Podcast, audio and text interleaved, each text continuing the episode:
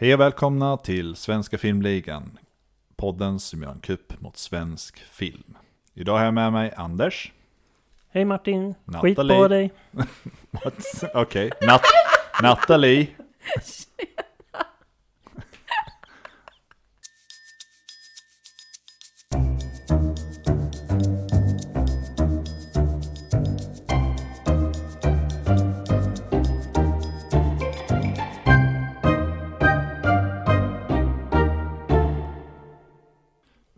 om ursäkt för att det var lite, det har varit lite tekniskt strul vid inspelningen så vi, hör- ni kommer höra små pip i vissa sekvenser av podcasten. Eh, vi ber om ursäkt för detta. Eh, nu kör vi igång. Hej och välkomna till Svenska Filmligan, podden som gör en kupp mot svensk film. Med mig idag har jag Anders, Hej. Nathalie Tjena tjabba, hallå!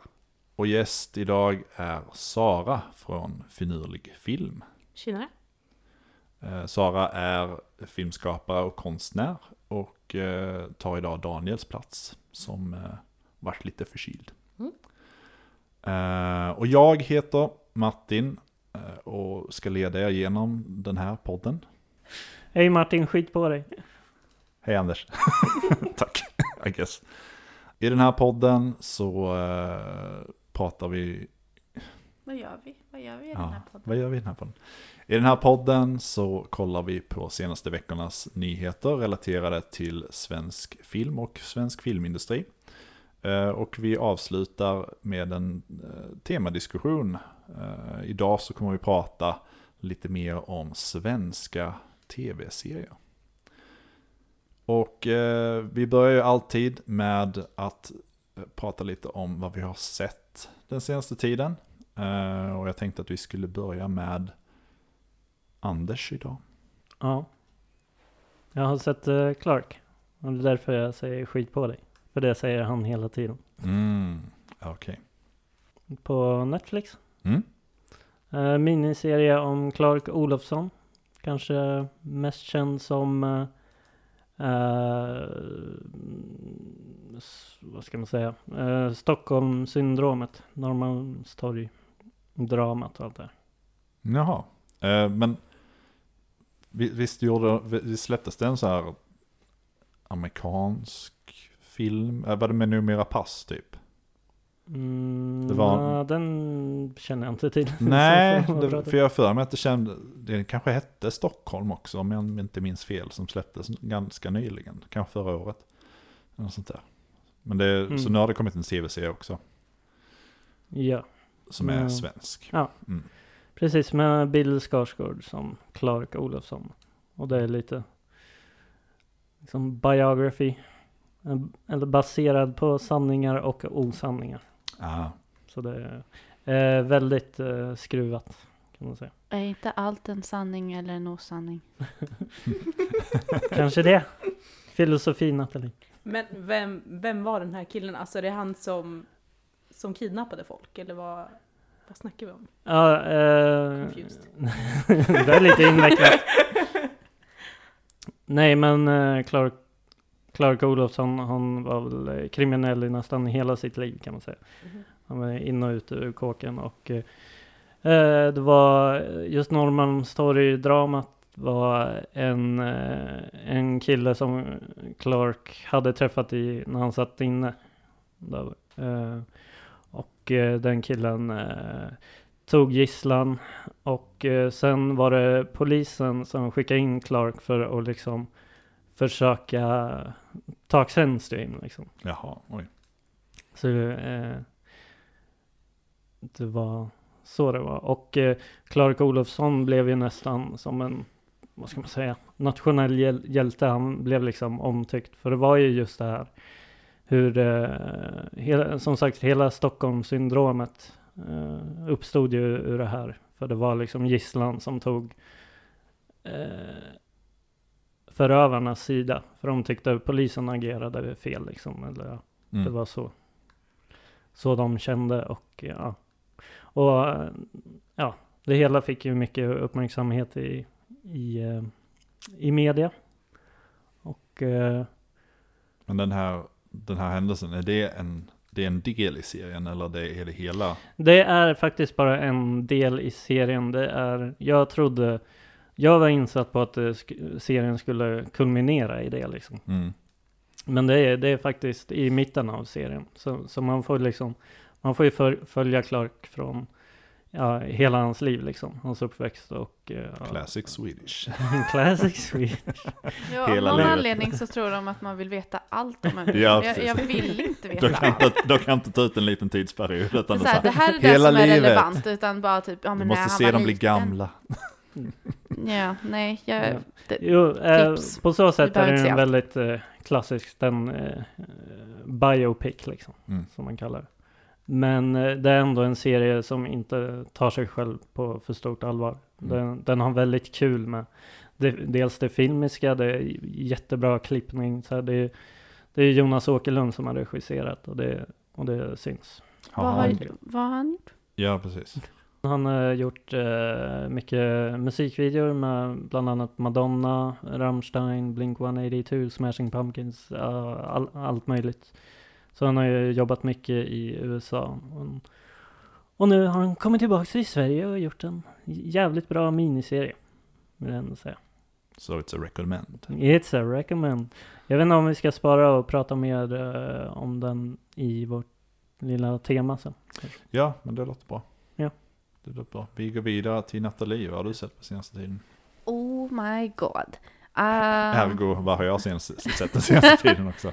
Ja, faktiskt. Vi får tänka här nu. Vad har vi sett? Vi börjar ju se det här The Staircase Mm. på HBO med Colin Firth. Han följer lite Hugh Grant-stilen av typ hej, jag brukade vara en romantisk brittisk eh, skådespelare som nu spelar ett creep. Jag älskar det för att man vill ju så gärna tro att han är oskyldig, men jag vet, alltså jag vet inte.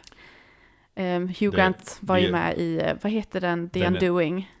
Precis. Det he, Staircase har inte kommit ut hela serien än. Nej, precis. Så vi vet fortfarande inte om han var skyldig eller inte. Och jag har inte kollat upp någonting för det är en kriminal murder mystery drama ehm, som är baserat på en verklig händelse tror jag. I alla fall lite grann.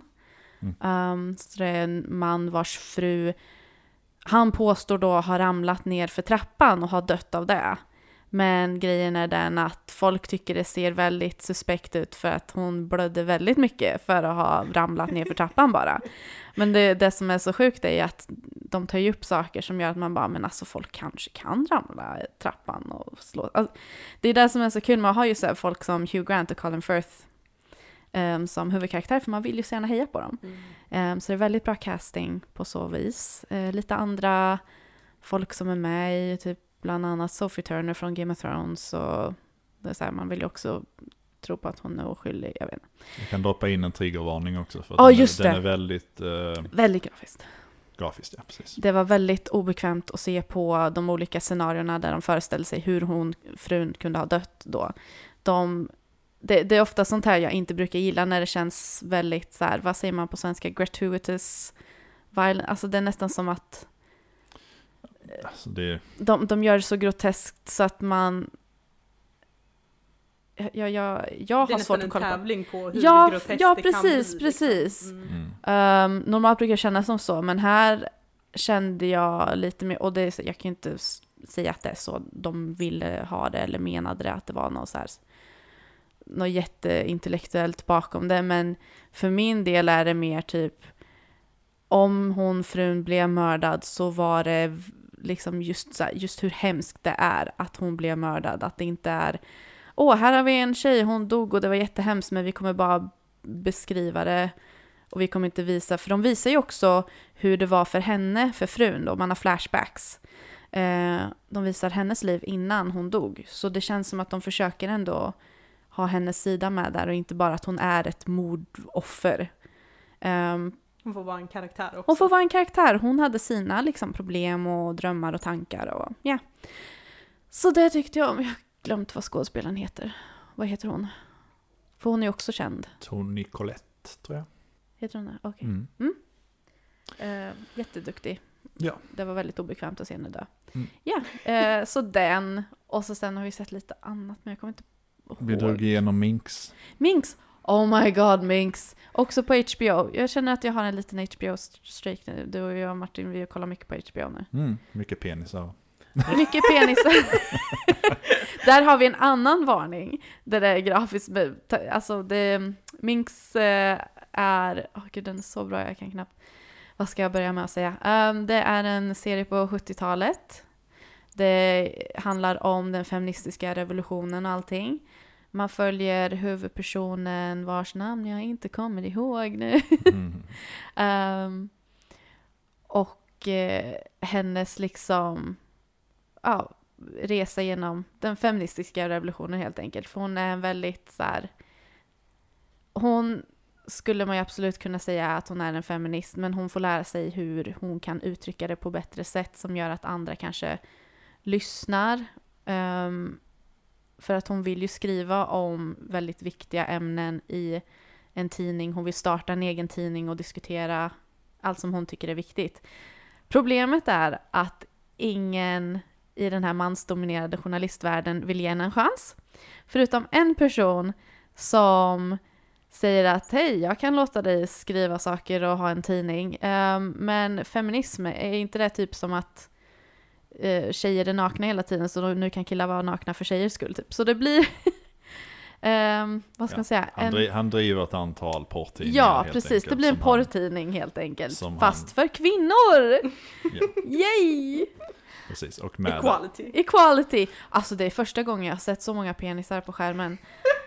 Någonsin. Alltså men även serier som typ Game of Thrones, de bara åh det är mycket, mycket naket alltså. Mycket naket säger de hela tiden och det är mm. vågat och bla bla bla. Men ursäkta, jag såg så många bröst, så många liksom, jag kan inte säga det ordet men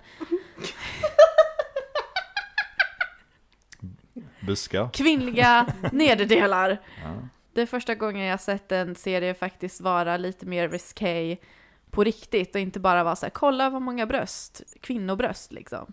Mm. Här får man faktiskt se penisar, like, väldigt många. Eh, väldigt, väldigt kul och intressant serie. Jag och Martin såg den väldigt snabbt, vi gick igenom den väldigt snabbt.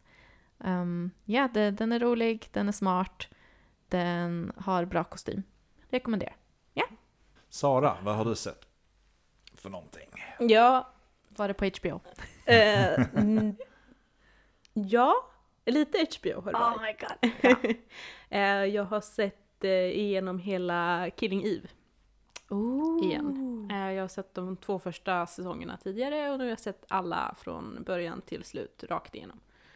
Um, ganska träligt slut men eh, ganska... Spoiler. Ja, spoilers. Det var men, eh, var hela säsongen trälig? Eller var det... Alltså hela sista säsongen är väldigt annorlunda. Okay. Eh, mm. På det sättet att de, de drar liksom in eh, ja, men de drar in religion och sådana här grejer på ett sätt som är väldigt underligt. Eh, och eh, som de kanske inte hade behövt alla gånger. Eh, och sen så avslutar de då på ett sätt som känns väldigt religionsavslut, liksom att man var tvungen att Ja, men man var, man, det kändes som att det, det, det, var liksom inte riktigt vad de hade i början. Okay. Så och det, Phoebe Waller-Bridge bara konverterat totalt. Ja! Och, och, Efter säsong två av Fleabag, hon var ah, nej, alltså jag tror det var bli katolik va? Nej men så det Som many hot priests. Nej men så, det är andra som har skrivit sista säsongen oh. eh, och de har inte följt hur böckerna slutar heller. Oh. Eh, så det är väldigt, eh, ja det är väldigt annorlunda och det är väldigt många som är väldigt eh, arga på att det har slutat som det har slutat. För, för saken var att vi såg två avsnitt och vi ah. orkade inte med Nej, det. vi har fortfarande för, inte sett klart. För vi, har ändå, vi var ändå så här, men, ganska peppade på att det skulle yeah. komma en sista säsong eller vad vi tänkte var en sista att, säsong. Att, ja, man fick Men så såg vi typ två, kanske ett och ett halvt avsnitt och vi... Äh, vi typ vi, somna. Ja, vi var liksom såhär, nej det här är inte riktigt vad, gick inte. vad vi ville se. Men jag tycker att, alltså, att sista avsnittet ändå, det var, det var ett ganska solidt avsnitt. Det var bara att när, det liksom, när man kände okej okay, nu är det klart, då var det liksom typ 5-10 minuter kvar. Mm. Och det hade de bara kunnat skippa. Som How I Met Your Mother basically. Mm. Ja, ja. För det var verkligen så här att eh, då vart det liksom någon så här moralpanik i slutet av de här fyra säsongerna av en seriemördare liksom. Och man bara oh shit, men hon är ju seriemördare liksom. Bara, och man "Jo, bara, vi ja, vet." Ja, ja precis, ja, man bara that's, that's like the point. Det har Ja. inte varit... eh, så den kändes, det kändes som en väldigt eh, weak avslut. Liksom. Men gud. Ja. Så det har jag sett på HBO. Mm. Eh, Vad synd. Ja, jo men det var faktiskt ganska synd. För, och jag är så här, jag, jag tycker väldigt mycket om serien, men, Ja. men jag, jag vart inte så här, jag var inte jätteledsen över att den avslutade så, men jag tror ju också Nej. bara så här för att man, ja, men man börjar bli lite van på att serier slutar så jävla bajs. Ja, liksom. för jag hade nästan, alltså, jag hade nästan kunnat nöjt mig med slutet i förra säsongen. Eh, spoiler, där står de på en bro och det känns väldigt sådär, känns väldigt som avslut, avslut på en serie. Alltså absolut, alltså säsong tre Jag trodde avslutningen. den var jag, klar jag där. trodde också att den Ja. var klar där och tyckte att eh, säsong fyra inte behövdes. Så Ja. om man vill så kan man ju bara sluta på säsong tre och tänka okej, där är där den Ja, jag trodde att det var bara mer typ säsong fyra kom som ett så här, tack till fans, visa oss lite mer No. av det vi gillar. Ja men så. Eh, och så bara typ ser vi första avsnitten och bara att känns som det ingenting av det var för mig som ett fan där. Mm. Så man undrar lite varför de ens försökte göra en till. Och sen särskilt om Phoebe Waller-Bridge inte var med. ehm, som har varit med och lyft den här serien. Jag, jag tyckte det var konstigt. Var, var det för att hon var på James Bond? Är det därför? Jag vet inte faktiskt. Så jag såg bara James att det var Bond någon istället annan som hade, hade skrivit och varit petat i det liksom. Ja, ja. Man fick ju inte, det var det ett tag sedan jag såg James Bond-filmen, men jag fick ingen Phoebe Waller-Bridge-känsla när jag såg den heller. Nej, så då var det ju synd. Vilken alltså. James Bond pratar vi om nu? Den senaste, No time to die. Har hon varit med i den? Ja, hon var med och skrev lite grann, jag tror hon skulle, antagligen så touchade han upp liksom, ja men sekvenser och dialog och sånt där, det är vad jag hörde. Men, Det märkte inte jag någonting av Nej. heller. precis. Så det är så här waste. Hon kunde Den bara ha gjort sett. klart vad heter det, Killing Eve istället. Ja. Nej men absolut. Nej men, eh, nej så det var lite synd. Men Mm. det är det jag har sett på HBO. Mm. Eh, och sen så har jag sett, jag har sett ganska mycket på senaste tid. Jag har sett, eh, eh, som jag sa förut, eh, vissa serier måste man liksom vänta ganska länge på innan man fortsätter titta på dem. Eh, och det var samma sak med serien Please Like Me som ligger på Netflix numera. Oh. Den fulade jag för typ så här jättemånga år sedan. Uh, tittade i skitdålig kvalitet och nu finns den på Netflix. Så jag bara okej, men nu känns det som att nu, nu är den klar, nu har jag landat, nu kan jag titta på den. Eh, och det hade jag inte heller behövt. Jag vill bara säga att polisen står och väntar här utanför. Sara. Nej men den, det är en australiensk serie. Eh, Oh. Så den, den fanns ju liksom inte någonstans här. Mm, mm, Eh, den gick ju inte att köpa på DVD eller någonting liksom. Eh, så det var väldigt, jag vet inte ens hur jag hittade den. Och det är därför folk ska släppa saker på DVD fortfarande. För att hur ska Ja. man annars få se saker som man inte... typ- Ja men alla kanske inte har Netflix och de vill bara se en serie. Mm. DVD, bring back DVD. Ja. Agreed, here here. Ja. Nej men, eh, men Please Like Me det är en, handlar om en kille som heter Josh som eh, i första avsnittet så gör hans tjej slut med honom för att hon säger att ja men du är ju bög så varför ska vi vara tillsammans liksom. Och han bara nej det är jag väl inte, eller ja jo det kanske jag är liksom. Eh, och väldigt socially awkward snubbe som får reda på att ja men jag, jag är nog gay liksom. Eh, och hur han eh, handskas med världen utifrån det och sin mamma som eh, har försökt ta livet av sig. Och det är så här, det låter som att det ska vara jättesad och konstigt. Och det är väldigt konstigt men det är inte så sad. Eh, och, men det blir en ganska bra blandning då, när man får de här ganska hårda elementen med att hans mamma är väldigt, eh, liksom så här, men hon åker in och ligger på sjukhus och såna här grejer, samtidigt som han har jättekonstiga interaktioner med konstiga män som är så här bara, ja men eh, typ bara tar av sig tröjan och bara här är jag liksom så här och han bara okej liksom. Så det är väldigt, eh, det känns väldigt äkta på något sätt, att det är väldigt mycket så här ups and downs, men det är fortfarande en ganska komedigrej. Han vaknar liksom inte bara upp, jaha jag är gay och så vet han allting om Oh no, oh no, vad det no, no. innebär. Utan Oh no. får, det är som att lära sig cykla i en... Ja, ja. Okej. Nej men det är väldigt liksom så här och det blir som någon typ av slice of life men eh, Men, men på ett lite mer kontrollerat sätt. Men det var också liksom att den, den tappade ju längre den gick. Att Ja. det var liksom, den sista säsongen var väldigt, den var väldigt svårsmält på, på ett sätt som var liksom emotionellt hellre än att det var Mm. svårsmält på att man fick så mycket liksom så här second hand embarrassment liksom. Mm. Så, um, Ja, det här är ju en podd om svensk film. Har du sett någonting svenskt Sara? Så jävla passivt aggressivt.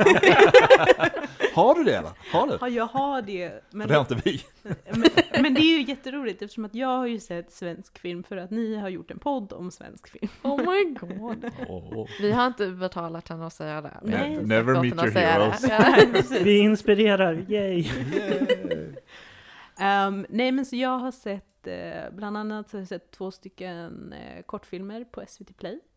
Eh, den ena heter Vi var barn då, som kom ut i år, 15 minuter lång.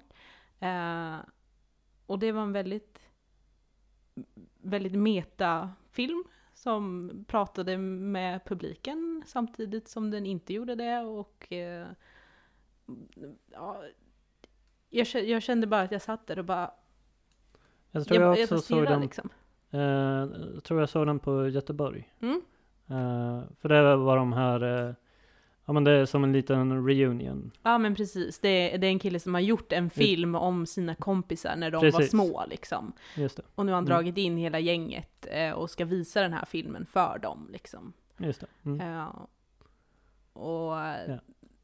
ja, den, den, den känns väldigt stark och den handlade liksom Eh, som en vit person som såg den här filmen så handlade den om mig men den handlade inte om mig på något sätt liksom.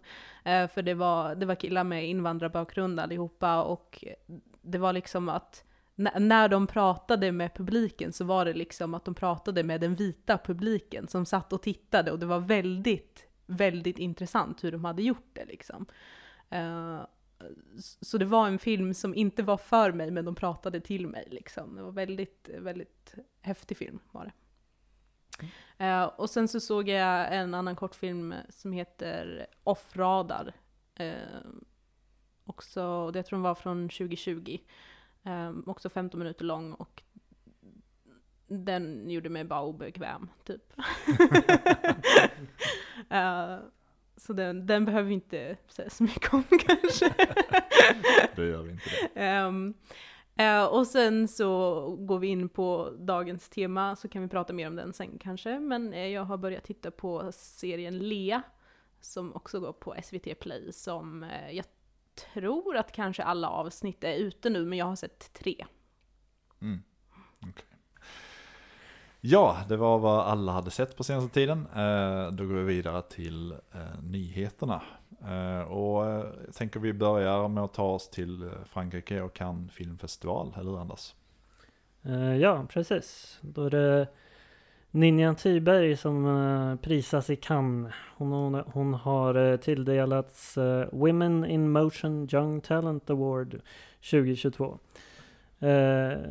Och det är ett eh, pris eh, som årligen delas ut av Caring och eh, programmet eh, Women in Motion i samarbete med Cannes filmfestival.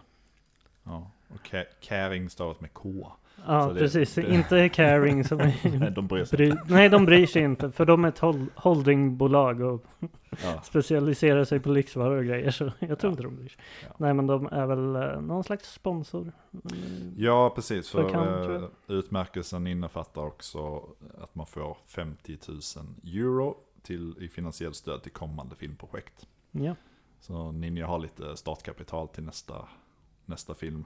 väldigt Eller, bra. kanske, kanske inte nästa film hon ska göra, men eh, en annan film så småningom. Ja, precis. Och hon är ju, enligt mig i alla fall, eh, en av Sveriges mest lovande regissörer just nu. Mm. Så, För Okej. det är ju hon som hade regisserat Plash. Hade du sett den Anders? För jag har inte sett den. eh, ja, och se den. Den är väldigt bra. Hon vann väl Guldbagge, eller var det bara skådespelaren som gjorde det?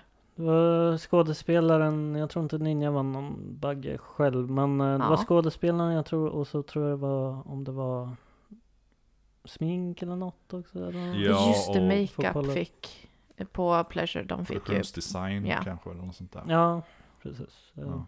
Vi får kolla upp.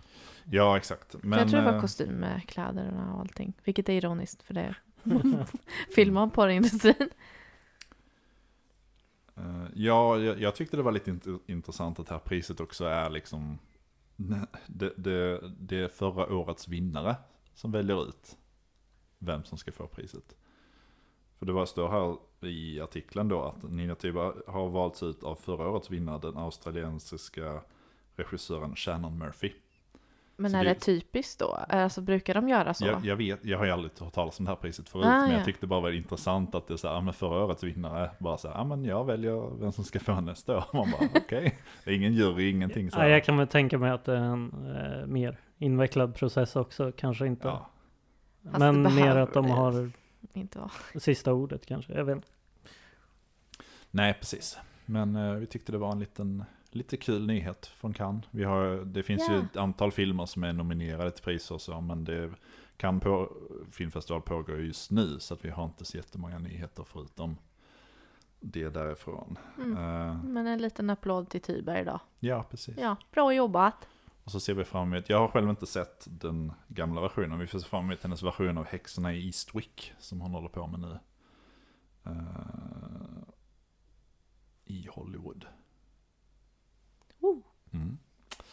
Yes, eh, vi går vidare till nästa nyhet och eh, då är det Filminstitutet som har släppt en ny eh, undersökning som de gjorde. De har så många undersökningar känner jag. Ja, Kommer de fram till något? Det, det är, ja, de kommer ju fram till en del och det är ju bra att de har det för vi har ju också då får vi lite underlag till podden att jobba Oh med. ja, och den här gången så handlar undersökningen om de svenska filmerna som fick högst publikbetyg 2021. Eh, och då har de liksom eh, kollat på filmer som har setts av minst 70 000 personer. Och de skriver att det är en förutsättning att minst 70 000 personer har sett en film för att det ska gå att säga något om dess publik med det antal respondenter som ingår i undersökningarna.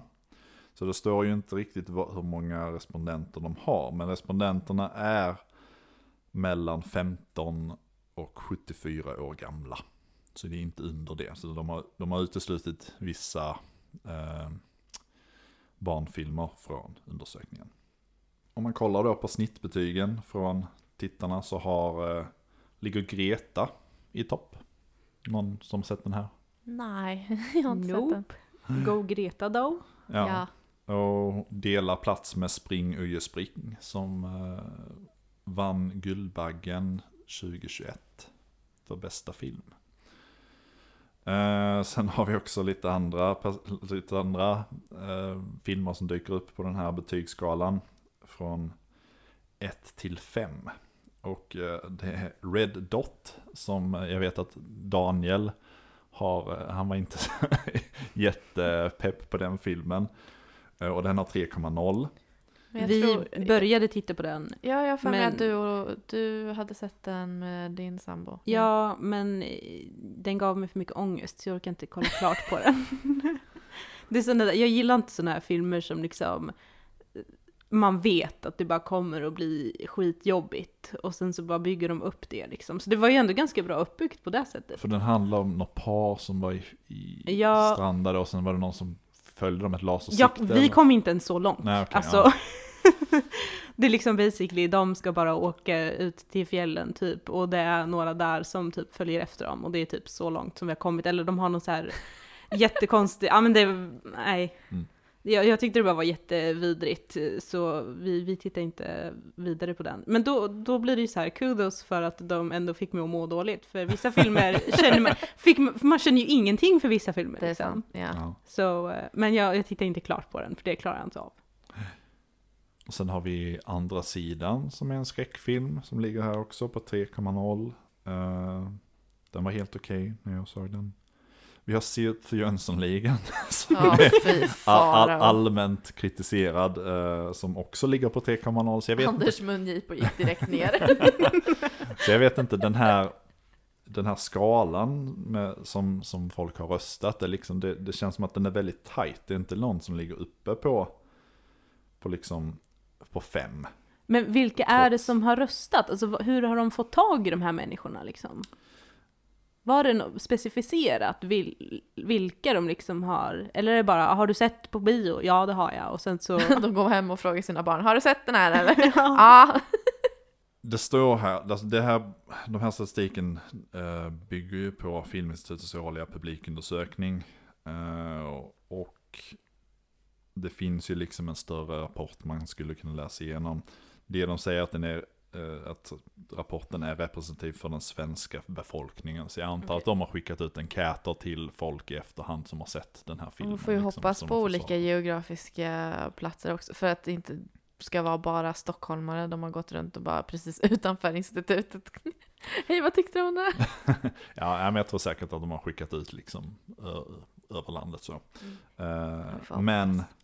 Jag tycker ändå det är intressant att liksom alla filmer ligger så nära varandra i betyg och Mm. är så pass mycket olika i vad vi anser är kvalitet. Jag menar, Super Jönssonligan har 3,0 och Greta har 3,6. Och det är av Springer i spring hundra. har 3,6. Så det är så här, Ja. 0,6 skiljer en Guldbaggevinnare och Super Jönssonligan. Det, Ja, ja, när du säger det så, Det är lite hardcore. ja. Ja. Sen så har vi Snälla kriminella också. Jag tyckte den var helt okej. Den har 2,9. Det känns som så här, ja, men det är väl, det är väl ett bra betyg. Men den ligger Den liksom borde ju i... få mer än Jönssonligan. Ja, precis. Och den ligger i botten på den här.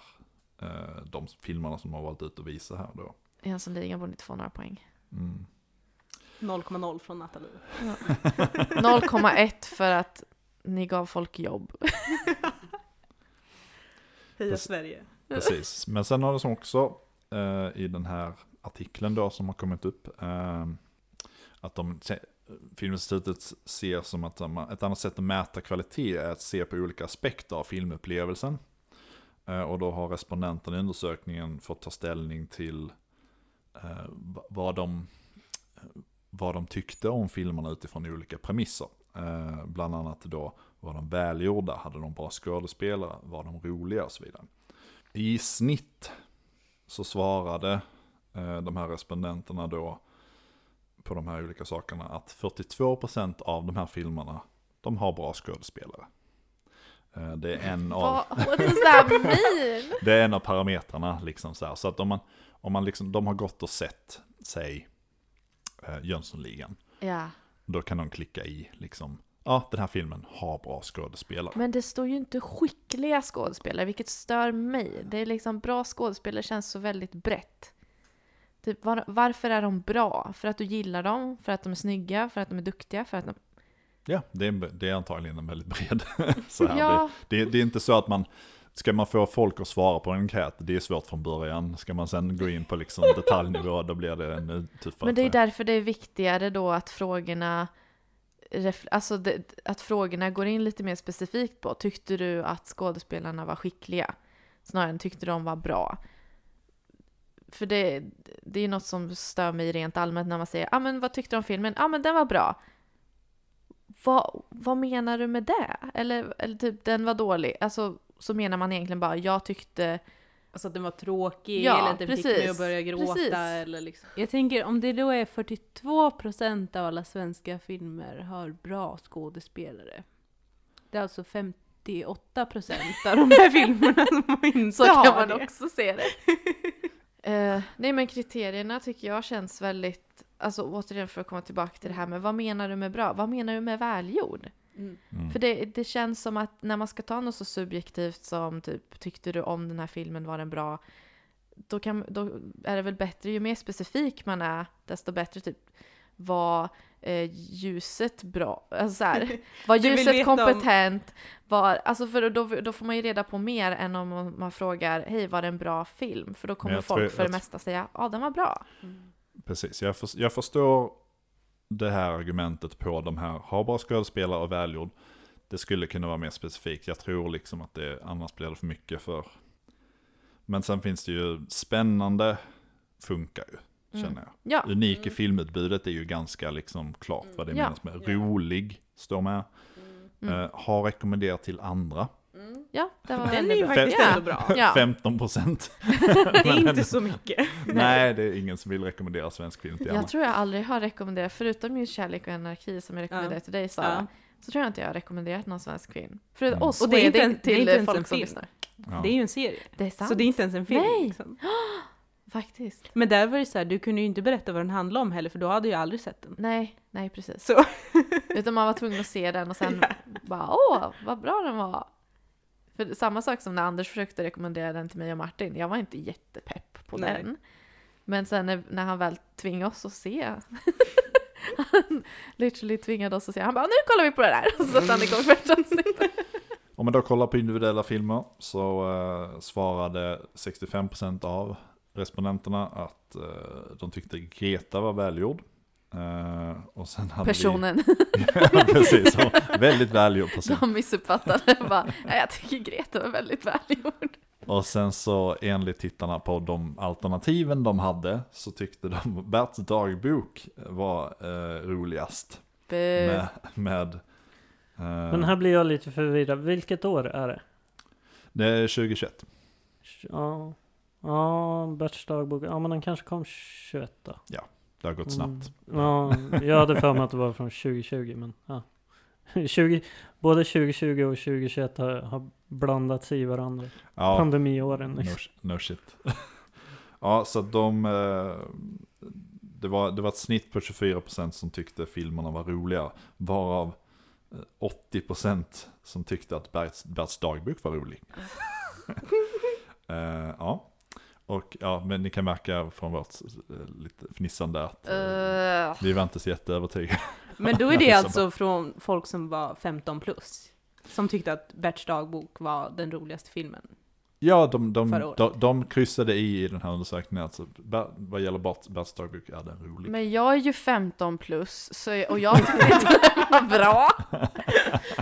Om nu... Fan, jag är också 15 plus. Ja, Inte jag. Nej, Ja. Men vi representerar inte Sverige för vi har inte fått undersökning.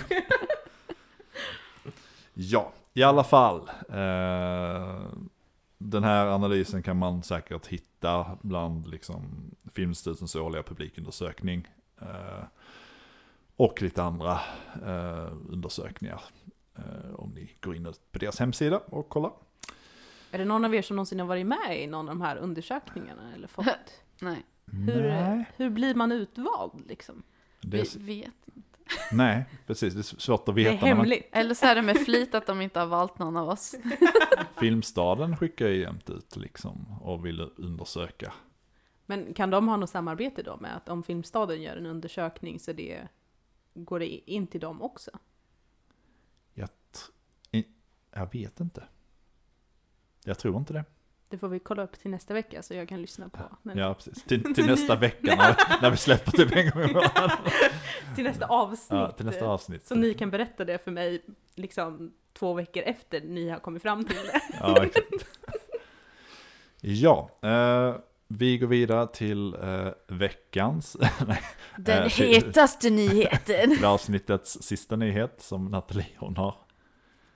Eh, nej, eh, ja för er som tänkt åh för fan, eh, David Hellenius borde vara med i en actionkomedi och Edward af Sillén borde regissera den. I have news for you! Ehm, vad heter det, hur har de beskrivit den här? Edward af Sillén regisserar Ett sista race heter eh, filmen. Och det kommer vara som en Fast and the Furious på svenska fast rolig typ. Har, ja. Det är inte jag som har kommit på det här utan jag har, läser ur artikeln här. Ehm, Moviesäng. den, ja, precis. Eh, de beskriver den på det här viset. Edward af hade ju tidigare regisserat den här filmen En del av mitt hjärta. Ehm, och tydligen så räckte inte det. Men jag, jag, Men sluta, han är kaxig när han pratar på Melodifestivalen Eurovision också, så jag kan vara kaxig tillbaka. ja, jag, jag, tror, jag tror han kan ta det också. Ja. Ehm, och om inte, I mean... Sorry. Eh, nej, jag tycker, alltså jag tycker ju om Edward af Silléns kommentarer på Eurovision. Jag tycker de är väldigt roliga och den här, den här liksom hur beskrev jag den förut? Sa jag typ, ja men hans deadpan humor. Ja, ja. Ja. Att han bara säger någonting och så går han vidare liksom. Precis. Man hinner knappt med ibland. Och det Precis. är ganska jag kul, gillar det, det är väldigt så här, ja men du vet, eh, vad säger man, witty Mm. på svenska. Jag kan, Kan ja, inte prata jag svenska. kan inte. men det är det som är problemet. Du har i alla fall sett lite svensk film nu så du har fått in det i huvudet. Jag bara kollar på HBO. Oh my god. Ehm, nej, eh, britter som tal, talar amerikanska. ja precis, många av dem var brittiska skådespelare som försökte, ja i alla fall. Eh, Edward af Sillén, ehm, regisserat en film, pratat mycket på Eurovision och helt ärligt talat, alltså det är alltid modigt när någon försöker testa på nya grejer. Ehm, Som svensk action. Ja, sä- särskilt också om man ska testa sig på svensk action. Jag kan inte komma på något mer action än typ Jönssonligan i Sverige. Alltså, det är typ det jag har. Ehm, så det är väl väldigt kul att han försöker göra någonting, särskilt en komedi. Jag gillar när det är roliga filmer. Ehm, så Edward af jag gillar när det är roliga filmer. Snälla gör någon rolig. Men, Den men var, det, det, om vi ska, en del av mitt hjärta var ju kul fast på fel sätt. ja, och Oh det är no. där jag tänkte Det komma ju- in på ja, att... det var inte eh, medvetet att den var rolig. Precis. Jag känner inte jättestor tillit till att han ska fixa det här som han försöker lova. Tyvärr. Särskilt eftersom Malin Åkerman kommer också vara med igen. Som hon var med och spelade huvudrollen i En del av mitt hjärta. She's back for redemption. Ja, ja, We hope. mm, jag tycker hon är bra skådis på engelska. Jag tror vi har, har vi pratat om det här innan kanske? Eller i alla fall Ni har pratat om henne men inte så mycket specifikt i den filmen. Mer. Nej, exakt. Hon är ju, ja men hon är en duktig skådespelare på engelska. På svenska, not so much. Det landar inte riktigt när hon försöker säga sina repliker och det märks att hon har försökt ha en så här eh, voice coach och dialektcoach. Alltså, men Om det märks så kanske det inte har gått så bra. nej, precis. Eh, och återigen, väldigt modigt att försöka göra någonting nytt. Men det kanske kan börja smått liksom. Inte kanske en hel lång featurefilm. Ge det till någon annan, I don't know. Ehm, så hon ska spela David Hellenius fru i den här då. Så det kommer vara Exfru. exfru. Jag tror det är samma manusförfattare också. Är det samma? Ja, för, Ja, precis. Jag kollar han, han, här ska, nu. Han ska, spi, han ska skriva det med David Helenius och Lars Vasa Johansson. Jag tycker jag känner igen det namnet Ja. från att han kanske skrev en del av mitt hjärta också. Det kanske de gjorde. Ja, nej, det, och den här... ehm, den här filmen sägs vara inspirerad av en norsk framgångsrik filmserie, Burning heter den, tror jag. Det står här, Burning. Ehm, det var också en bilactionkomedi. Så det kommer inte ens vara liksom en ny grej han har suttit och luskat på så, utan det kommer vara inspirerat av någonting annat. Samma som med en del av mitt hjärta hade ju hela musikinspirationen. Så det blir också det här, vill du göra något eget eller vill du inte göra något eget? Jag tror han, han sa det så att det görs ju inte i Sverige.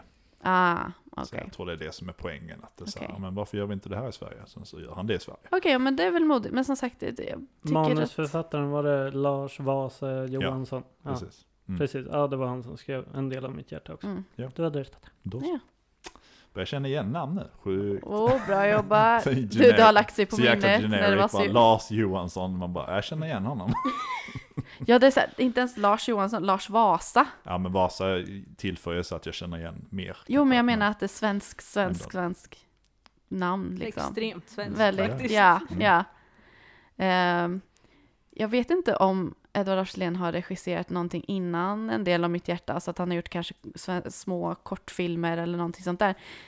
Om inte så tycker jag han kanske ska börja där. För att, Men det är inte så kändislivet funkar. nej, nej, Du säljer ju in en långfilm. Ja. ja. För det är det jag tycker, det, det känns säga- som att han behöver öva lite. Jag tror, jag tror ju att han skulle kunna klara av det. Jag säger inte att han är dålig så, Jo. så, att, han är så att han är så dålig. Men nu försöker vi vara snälla Martin. Ja. Eh, jag, jag vill inte vara elak på det viset och säga bara ge upp! För att jag tycker aldrig att någon ska ge upp. Men det är, det är ju ganska ballsy att göra en svensk musikal. Det är ganska Mm. ballsy att göra en Ja. svensk actionkomedi. Ja. Men då måste man ju ha så mycket pondus att man faktiskt klarar av att göra det också. Och det verkar ju Ja. som att det kanske inte riktigt finns än. Lite för mycket balls och lite för lite eh, skicklighet. Ja, alltså jag är... Jag, jag, jag har tänkt mycket på det här. Jag, jag, här, jag uppskattar att det finns bals, jag uppskattar att man vill göra någonting annorlunda. Problemet är att man gör det till, man kanske gör det till en kompisgrej eller något sånt där. Att det blir, man tar inte in kompetenta människor som ska jobba runt den liksom. Som faktiskt har har gått många filmskola och så, jag, jag, vet, jag säger inte att Edward Sillén inte har gått filmskola. eller så här, jag har inte jättebra koll på honom. Men jag bara tänker så här, men, eh, det, det, det, det var ju det var inte en jättebra film han gjorde med Mm. musikalen liksom. Nej. Han kanske hade ska många skratt. Ja, och han kanske ska, han kanske ska testa jobba med en annan oss för att han kanske inte ska skriva själv. Han kanske ska, kanske inte regissera själv, han kanske ska producera för att det är så här, okej, ja men det, jag får filmer gjorda så att jag, Ja. han kan, om, men om han nu absolut vill regissera, vilket också vi har, vi har kritiserat Felix Herngren för.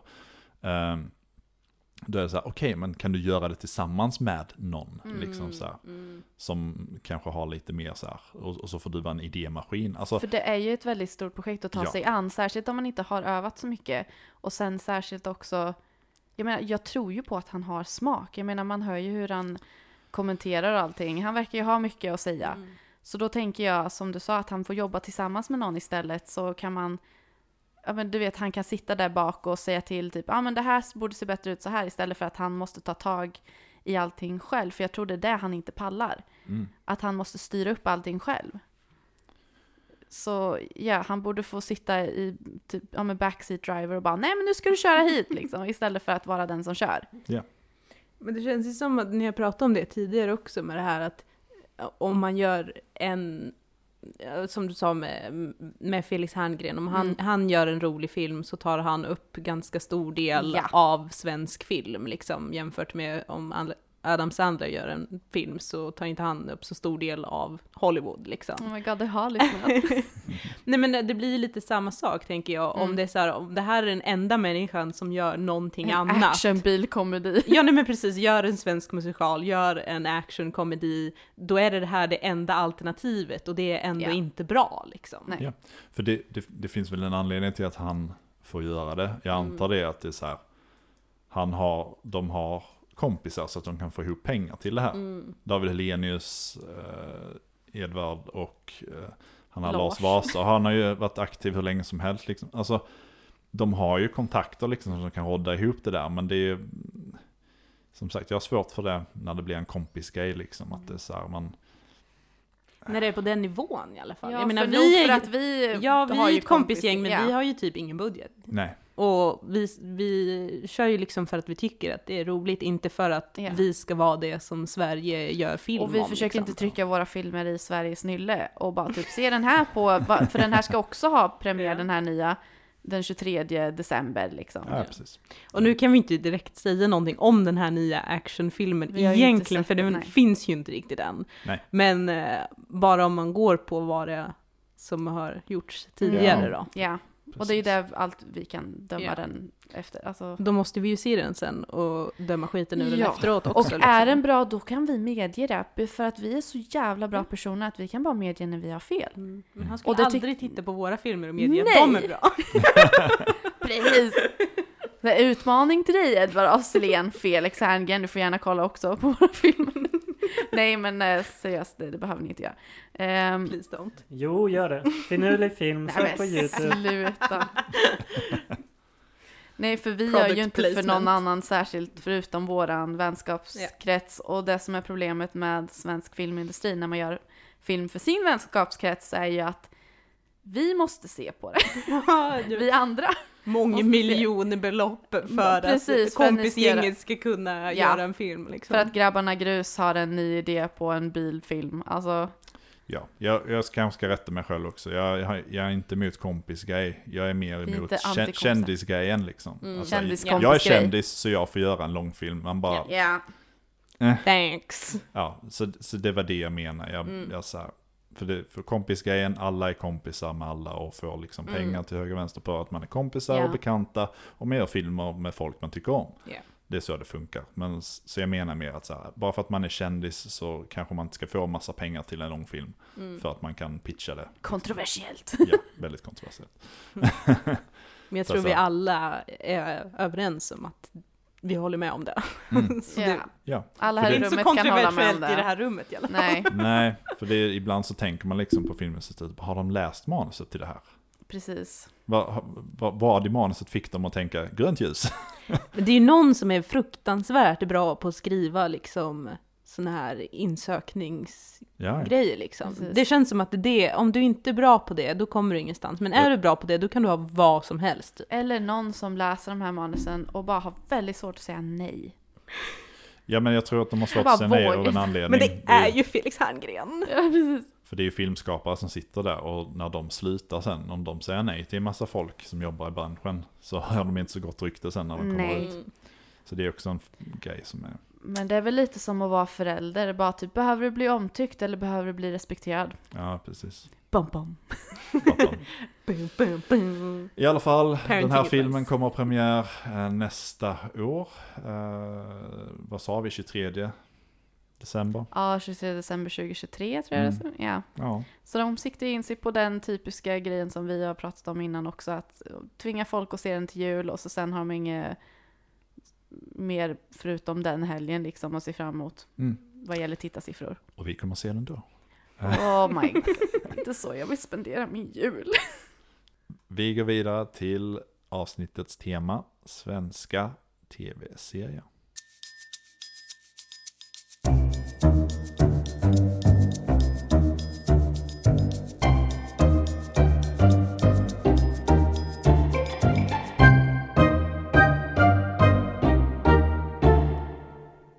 Ja, eh, vi ska prata lite om tv-serier och eh, vi har fått ett, eh, ett tillskott till, vi har, vi har tappat en, en pratare, men han är, han är med oss i, i, i sinnet, i själen. Eh, men nej, det blir inget bra det här. Nej. Sinnet. sinnet. Anders är död. He'll always be with us. Stop saying I'm dead! Sometimes I can still hear his Vi kommer ha voice. en minnesstund. Precis. Nej, men det har gått några dagar, vi hade lite tekniska strul, så vi kommer att spela in den här eh, sekvensen av podden eh, lite senare än vad vi gjorde resten. Och då är det så att Daniel, han är tillbaks med oss här eh, och kommer vara med på samtalet om tv-serier, svenska tv-serier. Välkommen tillbaks Daniel. Tackar. Hej. Hej.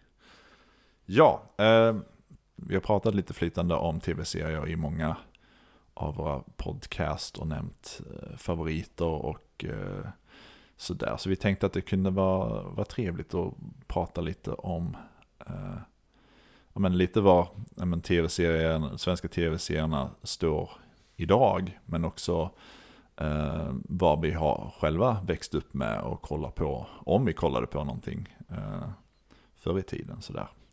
Har du Daniel några speciella tv-serier som du känner att det, det, det här var en svensk tv-serie som, som tog plats liksom på...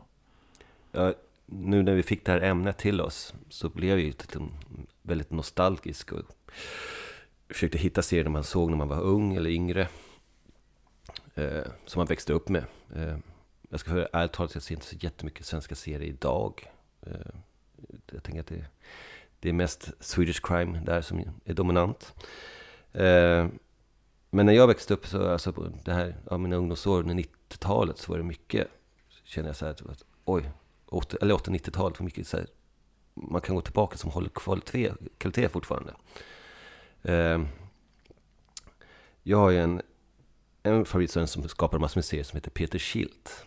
Eh, han gjorde mycket på 80-90-talet. Eh, en serie som heter Xerxes bland annat. Ebba och Didrik, det kanske ni känner till. Mm. Eh, med, bland annat med Jo- Johan Widerberg eh, i rollerna. Och Glappet i slutet av 90-talet om två unga tjejer i uppväxtåren. Liksom. Coming of age. Ja, Sär, sär, eh, vad är Ja. För typ av... det var också coming of age. Det var så här nyligen utexaminerade studenter från gymnasiet som skulle hitta liksom vad mening med livet. Ja. Eh, och det var också så här, bra ungdomsserie på den, tyckte jag. Eh, han gjorde också senare, senast han gjort en serie som heter 30 grader i februari, på 2012. Eh, som var väldigt populär på SVT tror jag. Som jag tyvärr inte sett. Men Är det, det- är det det du framförallt tänker på då när det är, handlar om liksom eh, 90-talet, så här, det är coming of age? Ja, det är det jag, alltså, jag minns som alltså, det jag gillade att se. Alltså vad jag minns och har sett Mm. av svenska tv-serier. Eh, sen kan man ju liksom, eh, vi kommer säkert kommer att diskutera liksom, så här, 90-talet hade ju den här såpavågen också. Eh, också 80-90-talet. Mm. Med dagligsåpor som eh, Skilda Världar och vad heter de mer? Tre, tre kronor va? Och... Tre Kronor var väl en veckoserie, alltså veckovis serie. Ja okej, det var veckor. Så hade de här dagliga såporna, Vänner och fiender, Oh. Skilda Världar. Eh, Mm. Jag hade ju inte trean och femman, så jag Nej. missade ju många av den där ja, precis. guld... eh, Nej men vi hade ju, det var ju, det kastas ju ut så mycket sånt där. Eh, men också här, om man går tillbaka med såpan också, ett längre bak. Jag tittar på, jag växte upp med Varhuset, Rederiet något, eh, vet jag inte. Mm. Eh, Men du hade en relation till Skilda Världar va Sara? Ja, alltså när jag var typ två, tre år så gick inte jag och la, la mig om inte jag hade sett Skilda Världar. och det är så här, jag kommer inte ihåg någonting om det där nu. Vi läste ju på lite om plotten Mm. och bara What the hell? Du var en skum unge Sara. ja, och min mamma bara, ja men det är fint. nej men det gick väl så här under så här lunchtid, alltså det är så här, man, eller middagstid också. Liksom, det var ja men precis. rätt Det, tidigt tror jag. ja men det var ju ganska tidigt, men när man är så liten så gick man väl och la sig ganska tidigt också. Ja. Men du behövde det, du behövde den här signaturmelodin för att få Ja men det var Någonting. någonting där alltså. Jag Ja. tror jag gillar hon som spelar huvudrollen. Jag tror hon var liksom en sådär, ja men hon var, hon var bra liksom. Eh, tänk, för de, går inte, de har inte gått på reruns eller något sånt där. Vet ni det? Tre kronor Jag och tror Skilda jag Världar. aldrig har sett Nej, inte de här dagligsåporna. Jag, jag vet att det finns en sån här skilda världar-box med alla avsnitt liksom ja. samlade. Men fysisk media. Men jag tror inte liksom det finns... Jag ser folk lägga upp dem på typ Facebook hela tiden. Bara, har du skilda världar? Boxarna är jättefina här. Typ. Är det någon som vill ha? Snälla, ta dem! Ja. Jag menar så här, Rederiet och Varuhuset, de här som gick på SVT, de finns ju i arkivet. Alltså det finns ju att streama Mm. via SVT Play. Ja, jo. se. Nej, för jag tänkte mest när man kollar på tv så här så är känns det ju som att det är samma typ av serier som går reruns fortfarande. Men det är ju inte de svenska liksom så här såporna Nej. utan det är ja, men så här Hem till gården och vad det nu kan vara liksom någon, någon smal brittisk eh, dag till dagare. Alltså, mm.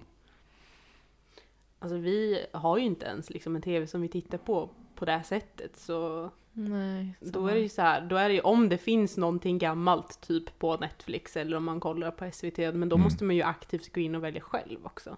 ja precis. Så det, jag har ing- Ja. ingen aning om vad det går reruns Ja, man, på, man på lyckas ju inte ramla liksom. in på det. Nej, sådär. nej men exakt. För annars så kunde det ju vara så att ja men nu spelar de det här whatever som jag redan har sett Ja. någon gång liksom. Men numera så har jag ingen aning om vad som vad som, vad som går på tv som har gått förr liksom. Nej, som inte är precis. nytt.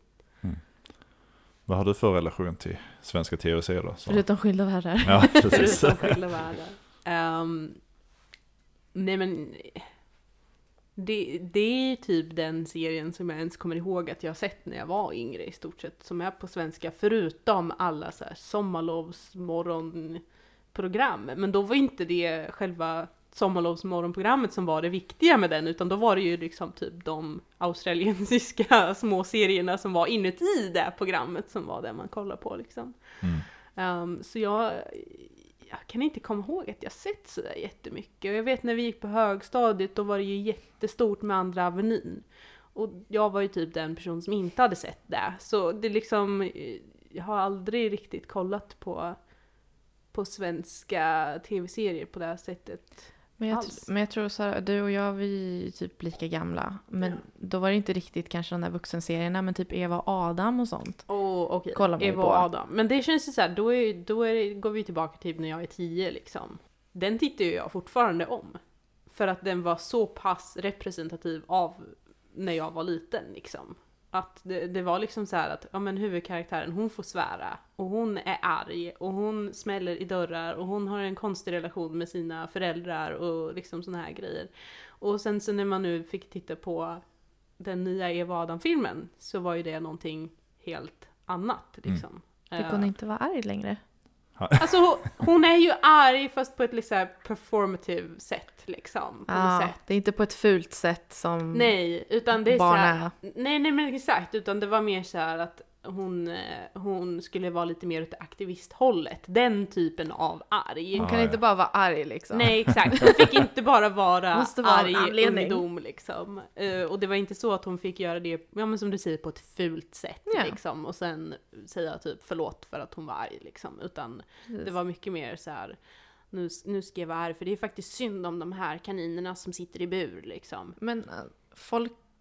För det, när du säger det, det är ju ganska häftigt ändå att man hade Eva och kolla upp till... Alltså, jag kollade ju inte på Eva och Adam av egen fri vilja, utan det var ju för att skolan rullade in den där tvn och man bara nice, vi behöver inte ha lektion idag, vi kollar på Eva och Adam.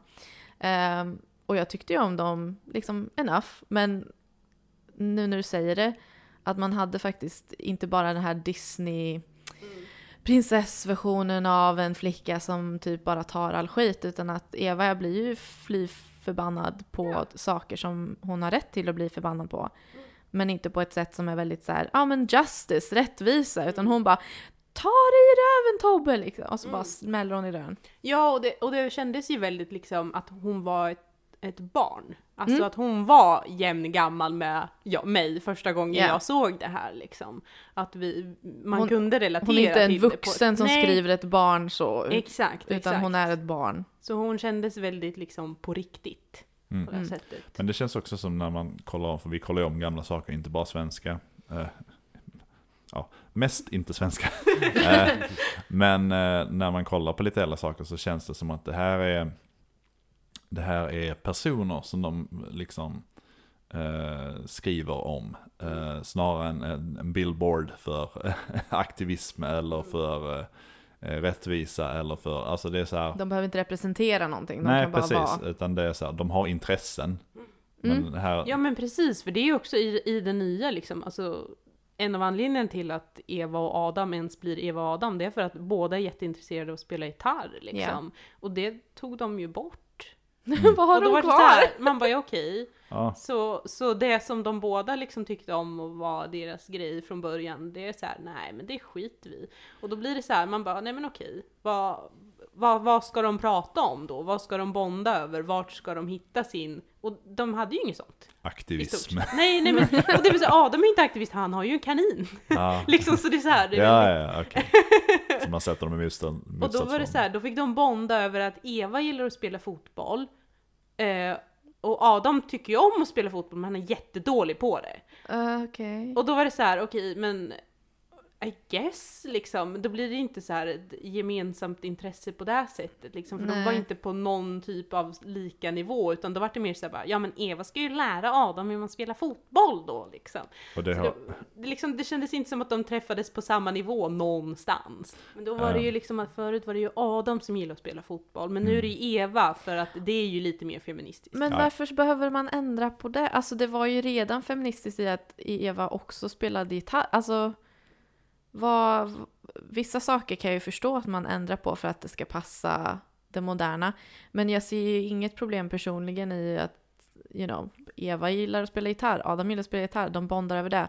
Adam har ett eget intresse av fotboll också, för han kan ha mer än ett intresse liksom. Ja, det är ju också en stor grej att Eva sen branschar ut och börjar spela teater istället. Och att Mm. de måste liksom gå över i att så här, okej, men hur gör vi när vi inte delar samma intresse då? Kan vi fortfarande hitta någonting gemensamt och hela den grejen liksom?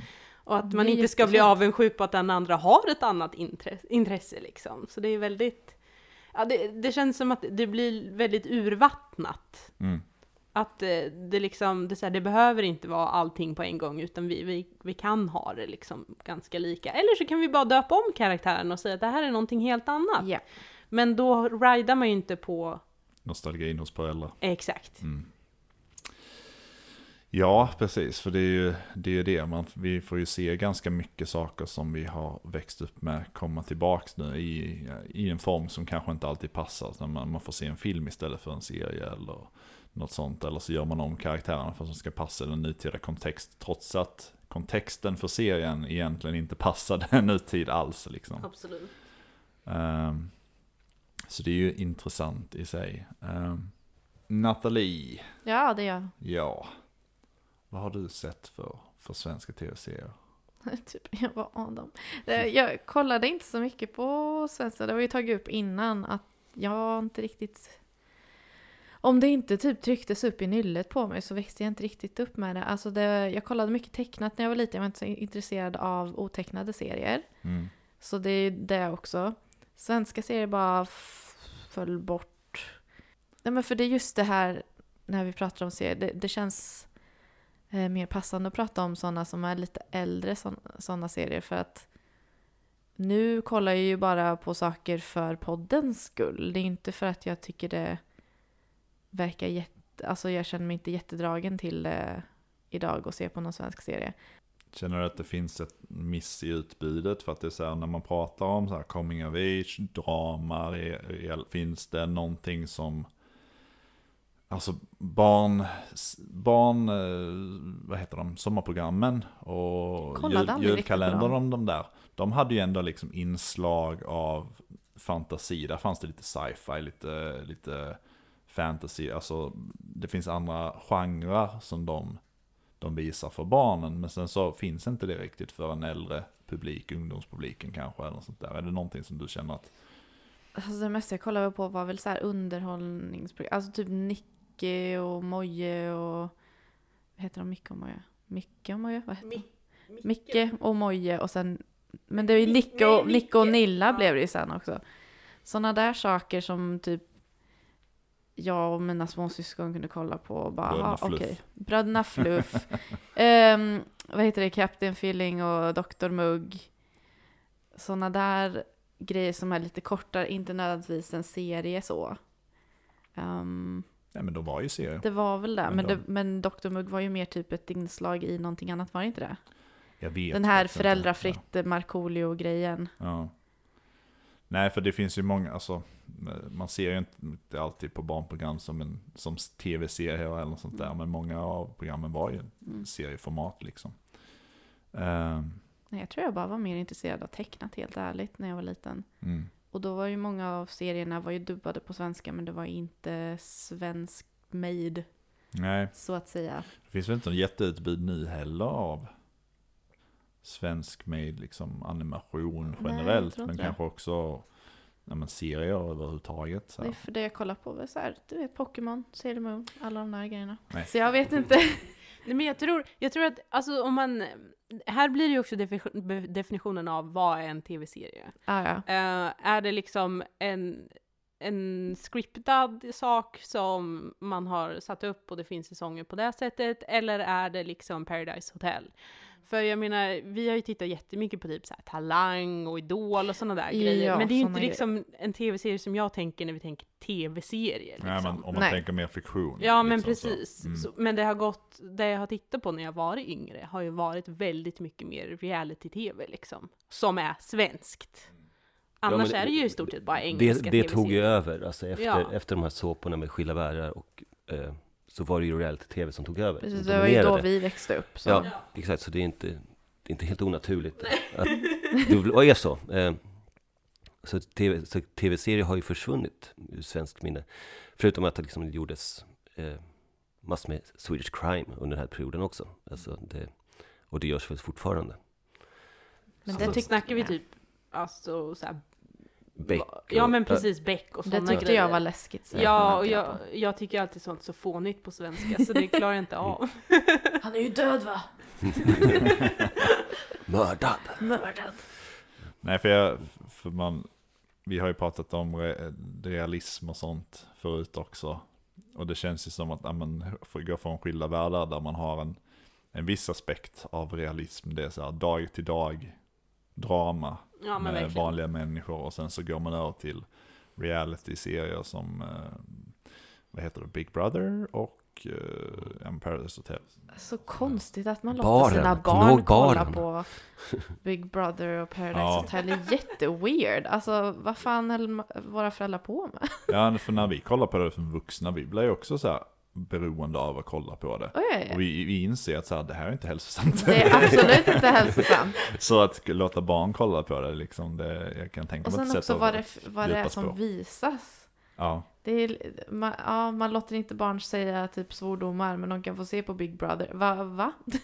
Men jag tror det var också en sån här grej nu med när Anders Bagge var med i Melodifestivalen och såna här grejer. För när jag växte upp då var ju Anders Bagge var ju ett asshole. Liksom. ja, ja. Och helt plötsligt nu är han Sveriges liksom folkkäraste man. Typ. Gosegullbagge liksom. Så, så det gör ju väldigt mycket så här också för hur tonen var när, Mhm när, när jag var liten liksom på tv. Det skulle ju vara ganska rått även i, i svenska grejer liksom. Att man, man skulle inte säga bra saker i stort sett utan det skulle vara ganska hardcore tough love liksom på något sätt. Men jämför man, ja men så här, Idol och Bagge var med där och han skulle vara arg och han skulle vara sur och han skulle tycka någonting var bra.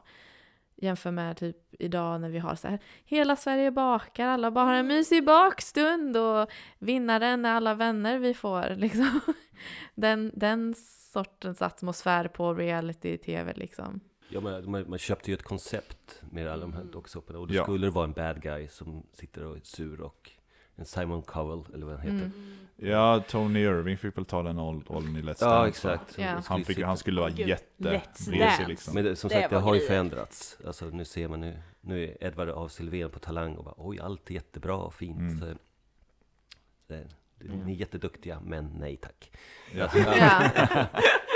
Du reflekterar väl något fint över Ja. samhället också? Att vi bara typ, nej vet ni vad, Vi jag trötta tycker det är jobbigt att vara arg hela tiden. Kan vi bara vara snälla? Ja.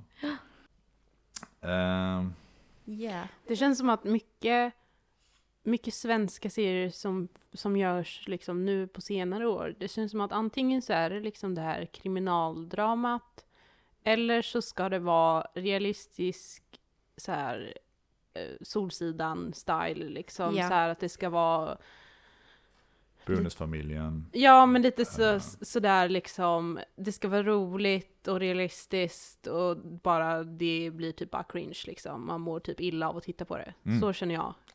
Ja, och det precis. finns inte så mycket mer, så jag tycker i alla fall att det, är, det finns ett, ett glapp i vad jag skulle vilja se jämfört med vad det finns. Jag lockas inte heller direkt till svenska serier, för att, eh, speciellt inte de här som du nämner, Solsidan eller Bonusfamiljen. Eh, men även fast folk pratar om det, oh, du måste se det, se det. Och det är där, det är där jag tror jag väljer mina, det är via hörsägen. Men det måste vara Oh, ja. någonting som snappar mig upp. Liksom, varför ska jag se den här serien? Jag tänker på det som har senast kommit, Tunna blå linjen om poliser i Malmö, Snabba Cash I don't Som- care. eh, och Clark nu senast. Och eh, även det som ni rekommenderar i den här podden, eh, eh, Kärlek och anarki, som jag var väldigt skeptisk mot. Men som jag satt och tittade på nu och tyckte var skitbra. Yay! Ja, så man kan lyssna och faktiskt ge något en chans. För du sa, Sara, att du såg på Kärlek Anarki och du hade inte kollat om Nathalie hade beskrivit det.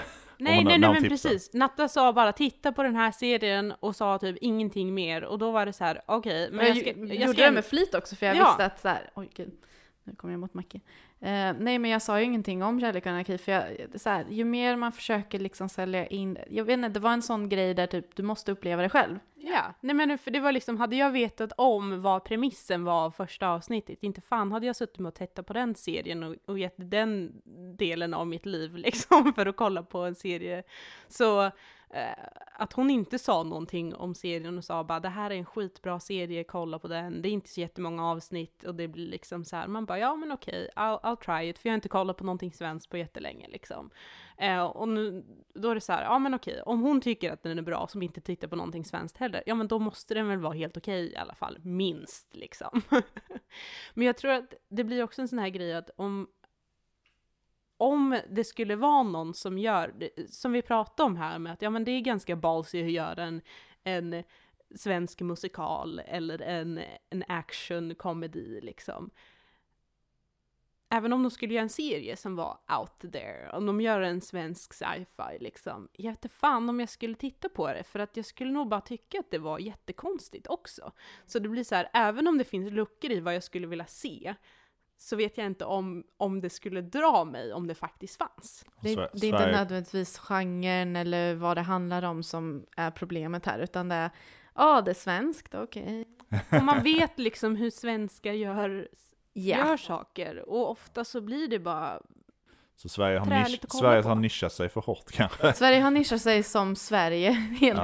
enkelt. Det, är liksom, spelar ingen roll om det är svensk sci-fi eller vad, för att vi vet ändå vad, vart de som brukar filmer, vilket mindset de brukar ha när de gör sina filmer. Därför var Kärlek och anarki en väldigt frisk fläkt för mig, för att det, de tog upp ämnen som jag var så här, ja, jag visste inte att svenskar tänkte på sådana här saker. Väldigt kul. Och då har ju ändå Kärlek och anarki på, i, i vissa avseenden också ganska mycket av det som jag inte gillar med svenska är väldigt grejer. traditionellt svenska Ja, grejer som och, och mm, de, de pratar på ett sånt här sätt som är lite, aldrig träffar någon som pratar så.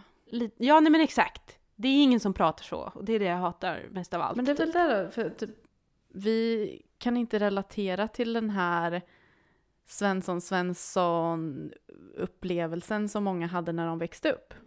Jag känner inte igen mig någonstans när jag kollar. Men du hade ju sett en annan svensk tv-serie som släpps nu. Eller hur? Eh, Jag började kolla på Lea, eh, som handlar om en tjej som är proffsboxare. Eh, Och Eh, för hennes backstory basically för ett par år sedan så blev hon busted för att sälja hon, eh, hon blir busted för att hon eh, säljer dopingpreparat. Och blir liksom, hon får inte boxas längre i två år tror jag det är någonting. Hennes licens eller vad det kallas blir liksom fråntagen. Och nu handlar det om hennes comeback från det här och hur hennes ex-man fortfarande är kvar i den här liksom lite kriminella delen av livet och hur de delarna blandas ihop liksom. Eh, och sen så följer vi då även eh, en person som jobbar, jag vet inte riktigt vad hon är, hon är inte riktigt polis men hon håller på lite med någonting. Eh, så ja, jag vet inte riktigt men, men det känns konstigt att hon inte är polis men hon är inte polis liksom.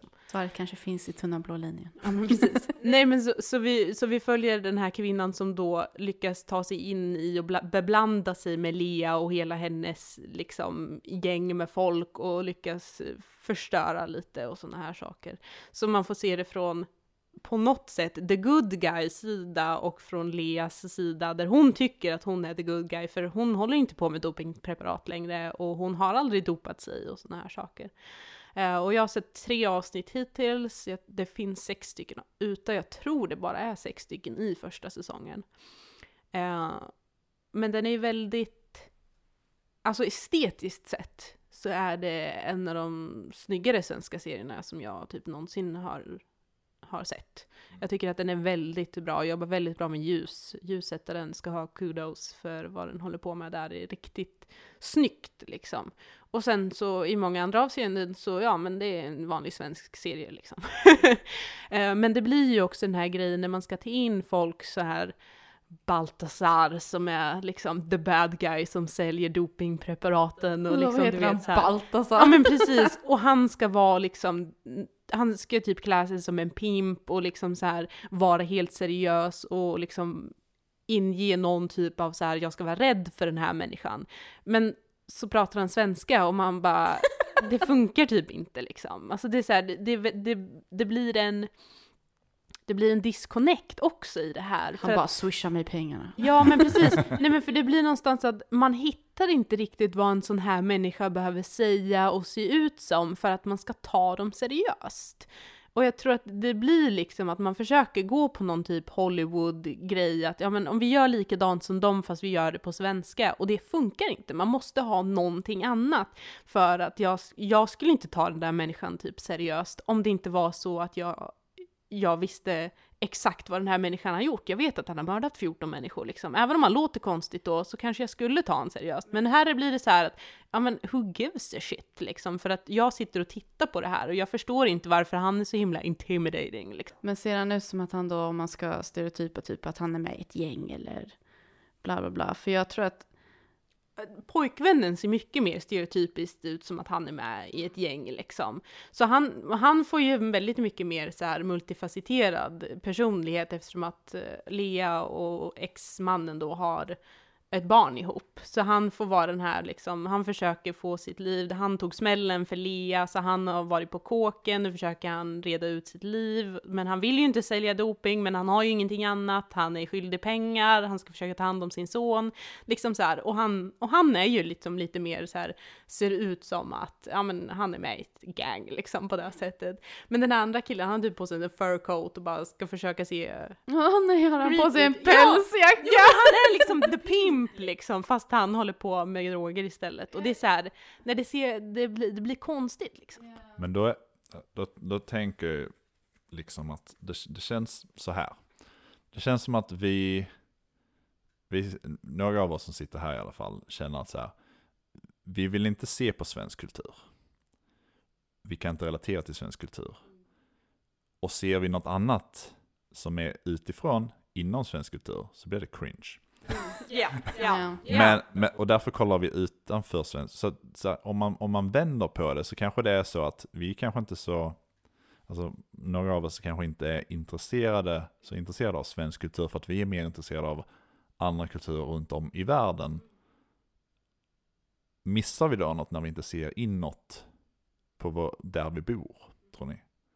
För det är så här, vi, vi, vi, är väldigt, vi är väldigt intresserade av liksom nyheter internationellt, vi är intresserade av tv-serier och filmer som kommer internationellt. Och sen, så, så, här, när det kommer från Sverige så är det liksom, det är inte intressant. Men tror Svensk att, politik är inte lika intressant som amerikansk politik, alltså sådana grejer.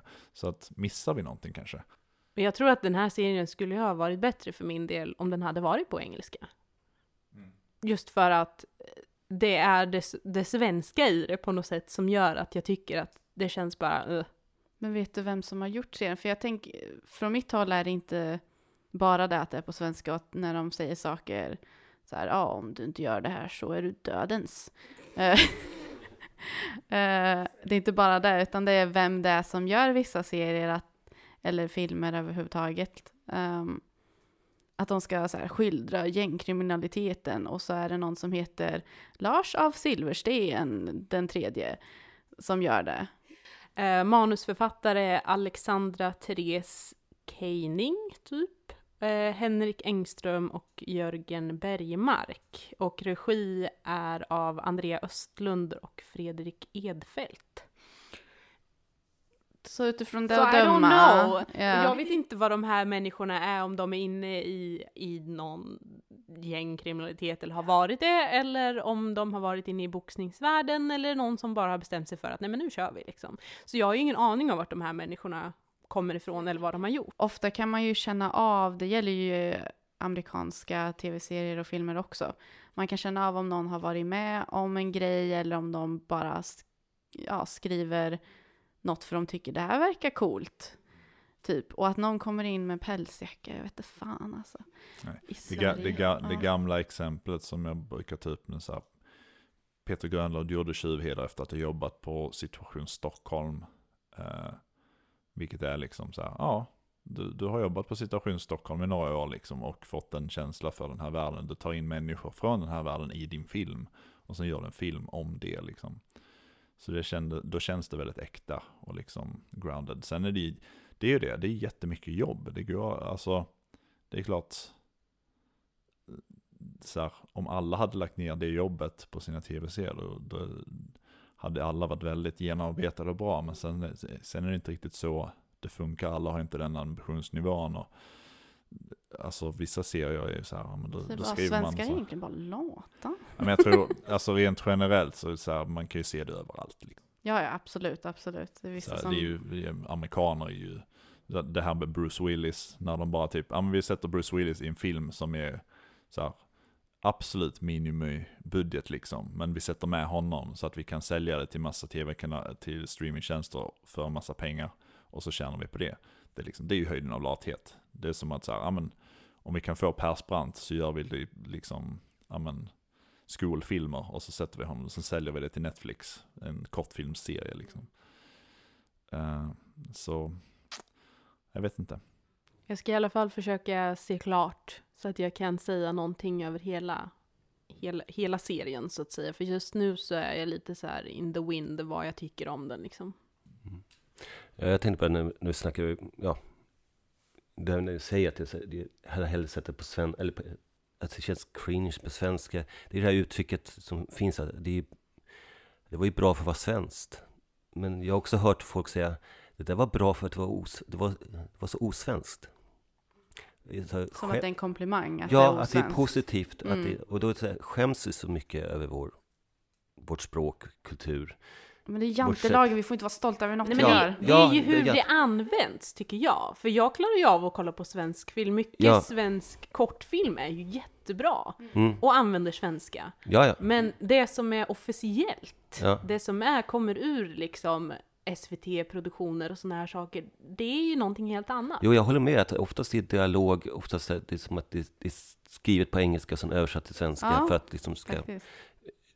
Engelska språket är ju mycket coolare och rappare och häftigare. Det mm. går i media. Liksom.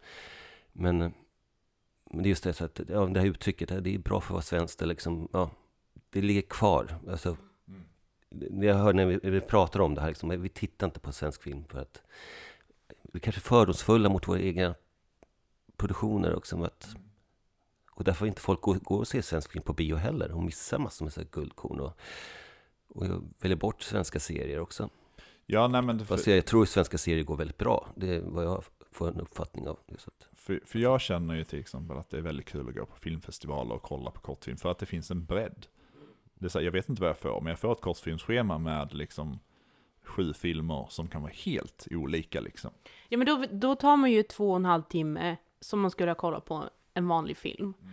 Och så får man sju saker, och där man kanske gillar tre av dem i alla fall. Ja. Och då har man fått ett koncept som man gillar, och så får man fått ett koncept som man gillar, och så får man ett koncept som man gillar. Så att det blir liksom att man får ut mer av det än om man sitter och kollar på en svensk film som man bara, fast den här är ju skitdålig liksom. Mm. Och då blir det så här, ska jag ägna mitt, min tid åt att sifta igenom alla de här svenska grejerna som kanske är skit, men det kanske finns någonting som är bra, eller lägga de pengarna på att gå på bio på någonting som man bara, ja men det här ser ju lite lovande ut, kommer dit och bara, ja fast what the fuck liksom. Vad, då, då blir det liksom att, ja men okej, men om jag går och ser någonting som jag vet att jag kommer i alla fall inte cringe över hur de använder språket i den här då känns det bara där, är det liksom mer värt att gå på en engelsk film liksom. Men det är ju andra människor som kommer och som har möjlighet att göra de här kortfilmerna än vad det är att göra de här långfilmerna. Men det här har vi ju pratat ganska mycket om med, med hur svensk kortfilm ser ut också. Oh, ja, ja. Uh, om vi bara ska dra tillbaka till det här att det ska vara så realistiskt. För det är ju de, de senaste kortfilmstävlingarna som vi har varit med i och de som har vunnit eller eller legat i, på prispallen, där har det ju varit hela tiden att deras um, att förklaringen till varför de har vunnit så har liksom, oj nu slog jag i mig. Förklaringen till varför de har vunnit har liksom varit att ja men det är så verklighetstroget eller att uh, igenkänningsfaktor, igenkänningsfaktor, stort ord inom kortfilm liksom. Och där är ju också så här, ja men igenkänningsfaktor för vem? Precis. Och hur många är det vi snackar det här, om? De liksom? skildrar ett väldigt viktigt ämne och behandla och bla, bla, bla. Och så kommer vi in med våra filmer och folk fjärtar och det är så här, haha. Nu gör ju inte jag ett jättebra argument för varför våra filmer också förtjänar lite igenkänning, men jag menar, jag menar bara att där, Eh, varför är en känsla, varför värderas den här sorgliga, sorgliga känslan, den Sorglig allvarliga... igenkänningsfaktor. Ja, ja den här allvarliga tonen, varför värderas det högre än att få folk att skratta? Det kanske är en vanesak då. Alltså som sagt, svensk, svenska filmskapare, svensk film, svensk media har nischat sig på, på en viss grej. Mm. Och det är nästan allt vi får. För att vi får, vi får varianter av det. Så, så här, det, det kommer en film som, eh, vad heter den? Eh, med trollen på gräns, Gräns heter den. Liksom så här, men det, det, det är fantasivariant, men det är mycket, det är väldigt grounded liksom så här. Det, så fort det är någonting med fantasi så ska det vara väldigt grounded, det ska liksom, det ska passa in för att det ska kunna säljas till eh, finansiärer kanske. Och sådär. Ja, för det Jo. blir ju också en grej då. Man vet att ja, men det här går bra typ på filmfestival och sådana här grejer. Då vill man ju säkert liksom finansiera sånt som är lite mer likt det för att ja, men det vet vi att det kommer att gå bra för den då. Hellre än att vi tar en chans på någonting som bara kraschar totalt. Ja, jag tänker på, jag var ju på föreläsning med han som liksom skapade jordskott. Eh, och han sa ju det att jag fick ställa in den som en crime-serie. Och sen så fick man långsamt liksom beta in att så här, det finns övernaturligt i den också. Men han var tvungen att ställa in den som crime först. För att det är så här, det kanske är också en aspekt liksom att så här, men för att man ska få en tv-serie gjord så måste det vara en viss liksom, ja men realism eller någonting eh, som, som så här, passar i det nischade svenska mediasamhället. Ja men där pratar vi väldigt mycket om när vi pratar om realism och ja, vardagsrealismen i svensk film. Jo. Men att just, det är ju svensk kultur, alltså vi är ju inte det här bombastiska Hollywood, alltså vi skulle ju inte kunna göra en sån film i Sverige. Att vi, vi, Nej, men då vi- blir det det- corny, alltså det, för vi, Ja. vi är inte, vi, det är inte svensk kultur. Vi är inte bombastiska, vi är lågmälda, vi är tillbakadragna. Eh, Speak for yourself. Ja, precis. Ja, vi har generaliserat som en bred kultur Ja, i Sverige, ja. vad vi är liksom, eh, i svensk kultur. Vi skulle inte kunna göra en... Men det är därför vi inte Avengers. känner igen oss i någonting alltså. Ja, För att vi men sen får man ju går naturligtvis vara utanför det. rolig och man får ju liksom spexa till det och liksom spåra till det. Men det där, som du säger, den här grunden finns alltid där och det beror på just. Vår kultur. Jag vet inte om man skulle säga att alla svenskar är så här lågmälda, för vissa Nej, av de alla, grejerna... Nej, nej, nej, men jag bara menar att eh, det finns ju de lågmälda filmerna och allt det där också såklart. Men när det gäller just, ja men särskilt i komedi och allting.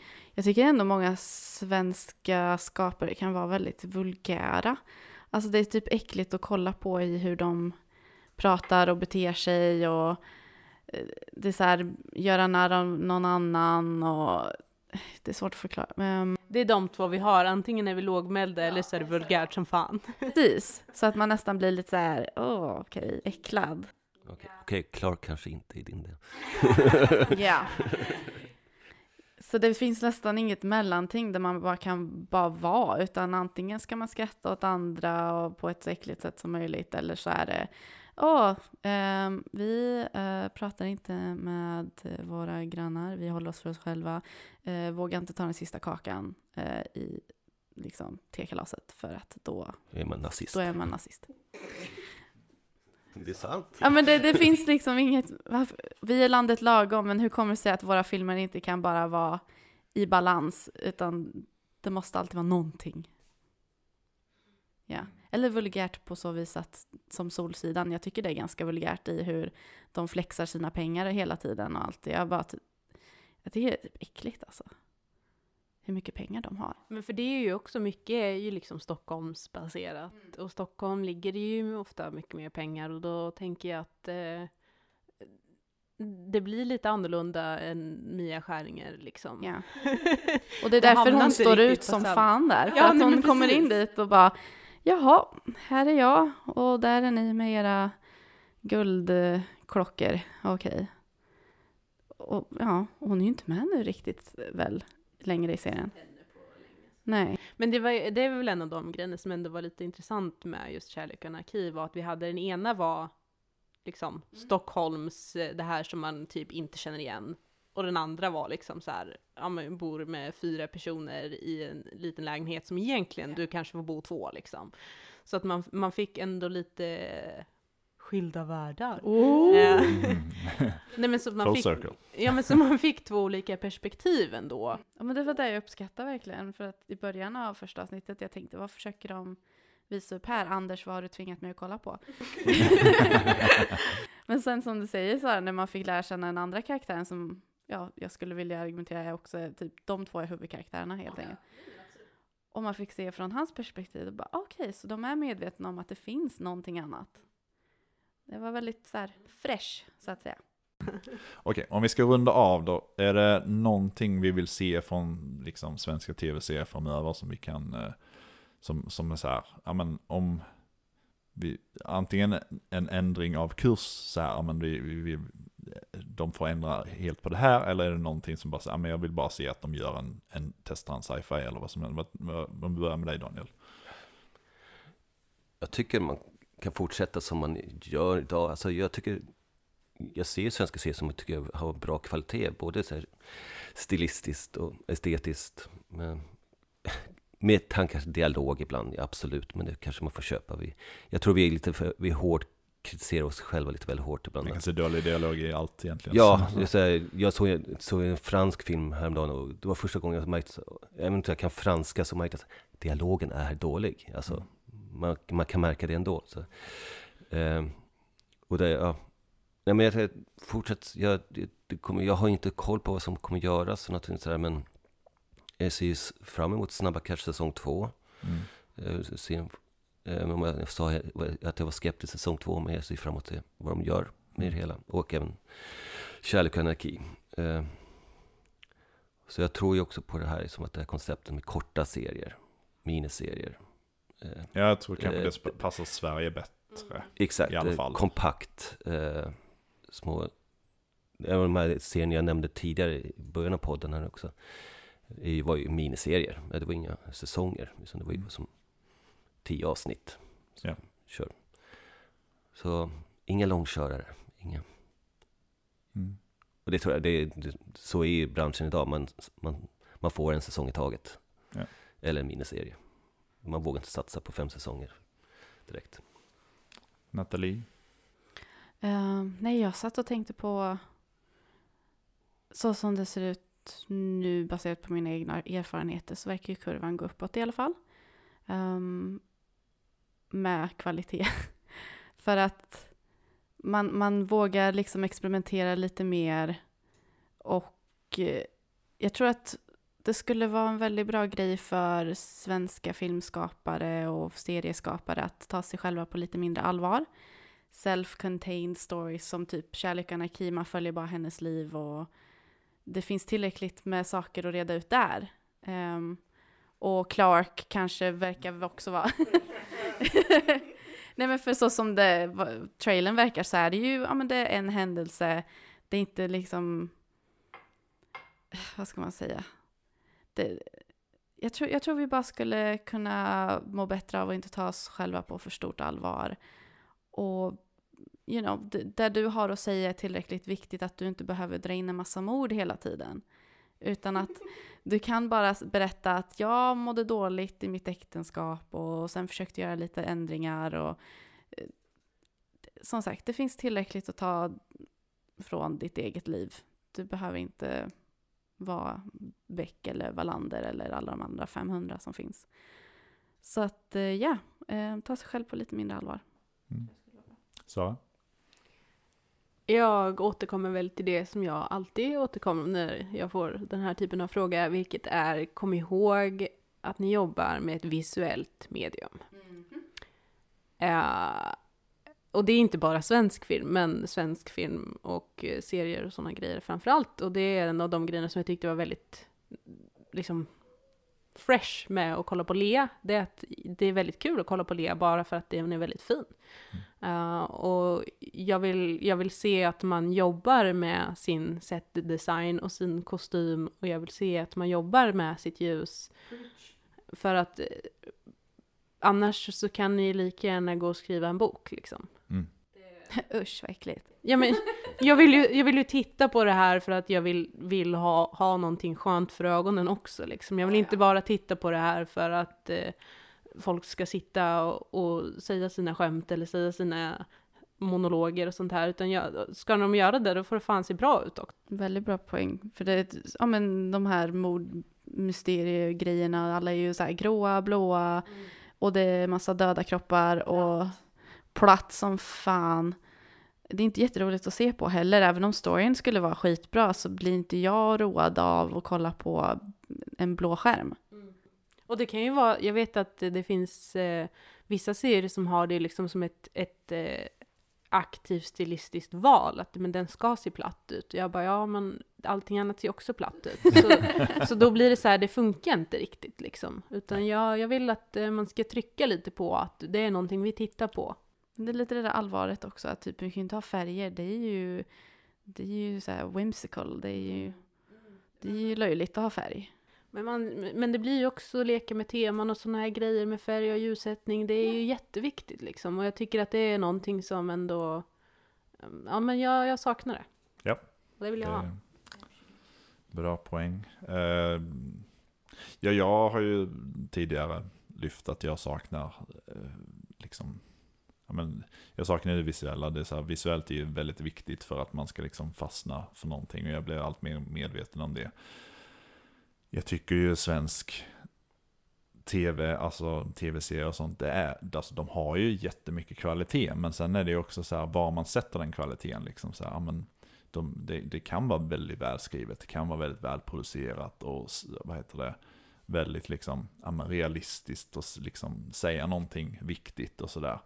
Men sen är det ju det också att jag vill se på någonting kul. Jag vill att det ska vara visuellt tilltalande. Och det är väl därför man kanske, sen gillar jag koncept som ligger lite utanför eh, liksom, eh, den här realismen också. Att man, man lägger till någonting som är kanske lite onaturligt eller overkligt eller sånt där. Men eh, för jag, i början av året så sa jag att jag såg fram emot Ronja som börjar produceras i år liksom. Eh, ska bli kul att se vad de gör med den nästa år. Mordmysterium, det är Ja. blått och... Precis. Skallepär död. Vem har gjort det? Så det är också det så här, jag hoppas liksom att de, de gör någonting som, Ja. som ser visuellt kul ut liksom. Så att det, för, det, för det är ju det, alltså, man, man vill ju utveckla någonting. Om man ska Mm. göra om någonting så vill man ju utveckla det. Man vill inte göra en Lejonkungen liksom. Lejonkungen var redan visuellt liksom, ja, men, väldigt bra och, och fin och sådär. Och sen så gör de någonting som i alla fall jag kände så här, man ser, alltså det är fulare. det, det är liksom så här, det, det, är ett, det är ett experiment för visual effects-delen liksom. Att de bara så här, men kan vi göra det här? Ja vi gjorde det och vi tjänade massa pengar på det. Men det var liksom inte så att man satt och bara så här, oh, de, the breaking new ground looks awesome. Utan det var så här, ja det såg sämre ut för att det såg verkligare ut. Ja, alltså säg vad man vill om James Camerons Avatar, men alltså fan det var intressant och kul att titta på den när den kom ut. Det var färg och det var liv och det var sånt vi inte hade sett förut. Det, det är sånt man kan göra också. Med, Nej, så att, så, så jag, skulle, jag skulle vilja säga det, avsluta, jag vill se en större bredd helt enkelt. Jag, jag håller med alla som har talat här, jag skulle se att vi fortsätter med saker som vi gör. Men att vi stör, får en större bredd där vi jobbar mer visuellt liksom. Och att vi inte tar oss på stort, stort allvar liksom. Ja, nej men så att det, det känns som vi alla har en bra poäng. Och eh, det känns som att vi, vi, vi avslutar där helt enkelt. Tack för idag Daniel, Tack själv. Sara, Tack så jättemycket. Nathalie. varsågod. Eh, Svenska Filmligan hittar ni på Instagram. Ni hittar oss eh, på Facebook och eh, vill ni mejla några idéer, tankar eller förslag liksom, så, så finns vi på svenskafilmligan at gmail.com. Eh, tack för den här gången och eh, se mer svensk film.